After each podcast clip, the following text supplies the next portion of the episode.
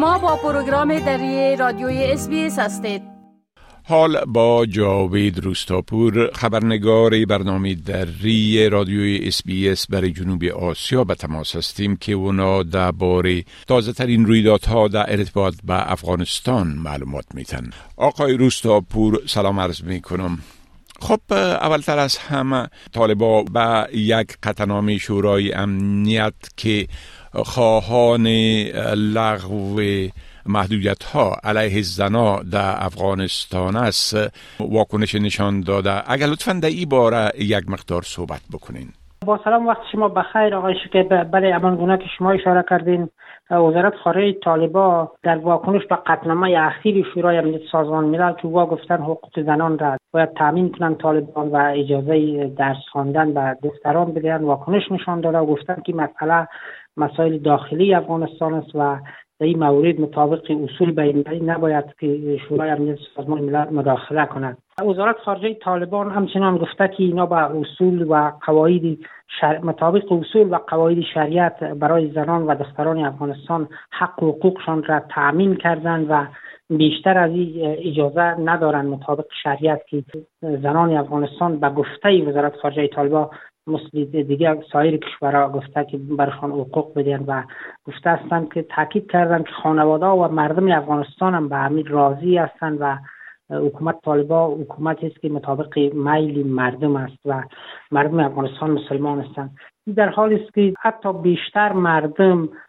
تاکیدشان به که دروازه های مکاتب و پانتونا باید برای دختران باز شد و زنان افغانستان حق کار و تحصیل داشته باشند و همچنین در آخرین مورد طالبا کار زنان را در نالای بینالمللی هم حتی کردند که مثلا واکنش های بسیار جدی را برانگیخته طالبا به خود همچنان تاکید دارد بله خب همچنان گفته میشه که گروه کاری زنای افغانستان یک نامی به ملل متحد فرستاده و در او از این سازمان تقاضا کرده که در نشستش درباره افغانستان در دوحه که انقریب برگزار میشه برای اونا هم نمایندگی بتن بله؟ بله در آستانه نزدیک شدن نشست دوحه مؤسسه گروه کاری زنان برای صلح امنیت از آنتونیو گوتریش دبیر کل سازمان ملل متحد خواسته است که نمایندگان زنان افغان باید در این نشست حضور داشته باشند و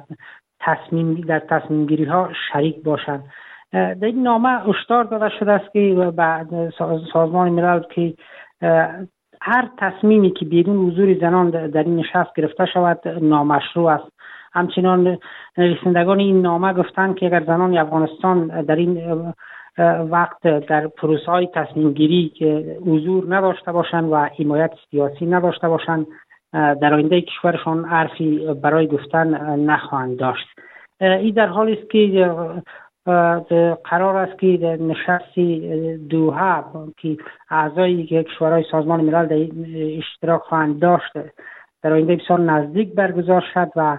بر بنیاد گزارش ها تا کنون هیچ زنی نه تنها از افغانستان بلکه سایر خانم های افغان که در بیرون از افغانستان هستند از اینا هم دعوت نشده و این نشست یک نشست مردانه است که مثلا انتقادایی را در شبکه های اجتماعی برانگیخته است. بله خب از فعال شدن گروه های تروریستی در افغانستان ابراز نگرانی شده به خصوص از جانب پاکستان بله؟ بله این مسئله دقیقا سفیر پاکستان در آمریکا تا یک نشست این موضوع را مطرح کرد و تاکید کرد که گروه تروریستی در افغانستان فعال شدن گسترش یافتند و باید کشورهای منطقه به ویژه آمریکا در این مسئله با قاطعیت عمل کند. در غیر این صورت در آینده ای مشکل کلان میشه به وجود خواهد آورد که باز مدیریت از این بسیار دشوار خواهد بود. این در حال است که به تازگی هم در نشستی کشورهای عضو شانگای وزیر دفاع روسیه هم تاکید کرده که گروه های تروریستی از جمله گروه های که مخالف مسلح حکومت های کشورهای آسیای میانه تاجیکستان ازبکستان ترکمنستان یا هستند در افغانستان فعال و فعالیت از رو به گسترش است که اگر که جلوش گرفته نشود به زودی شاید کشورهای آسیای میانه را مورد تهدید قرار خواهد داد. این موضوع واکنش برانگیز شد چون هم پاکستان هم روسیه حامی گروه طالبان بودند و اینا حالا دارند تاکید می‌کنن که گروه تروریستی در افغانستان فعال شدن و فعالیتی از یا تحت به تحت حمایت طالبان هستند در خاک افغانستان هستند اما آقایان امور هم به این باور هستند که طالبان با سایر گروه, گروه تروریستی به دلیل از اینکه ما فکری یا ایدئولوژیک دارن اجازه میدن و هیچ طالبا بخوان این گروه را از خاک افغانستان بیرون کنن و فعالیتشون محدود یا مسدود بسازن این مسئله چون مسئله ایدئولوژیک است ناممکن خواهد بود. یعنی در به تعبیری که همه گروه های تروریستی با طالبان یکی هستند و هدف مشترک دارند. اما طالبان هر گونه فعالیت گروه های تروریستی یا گروه های بیرونی را که تعدیل به بیرون از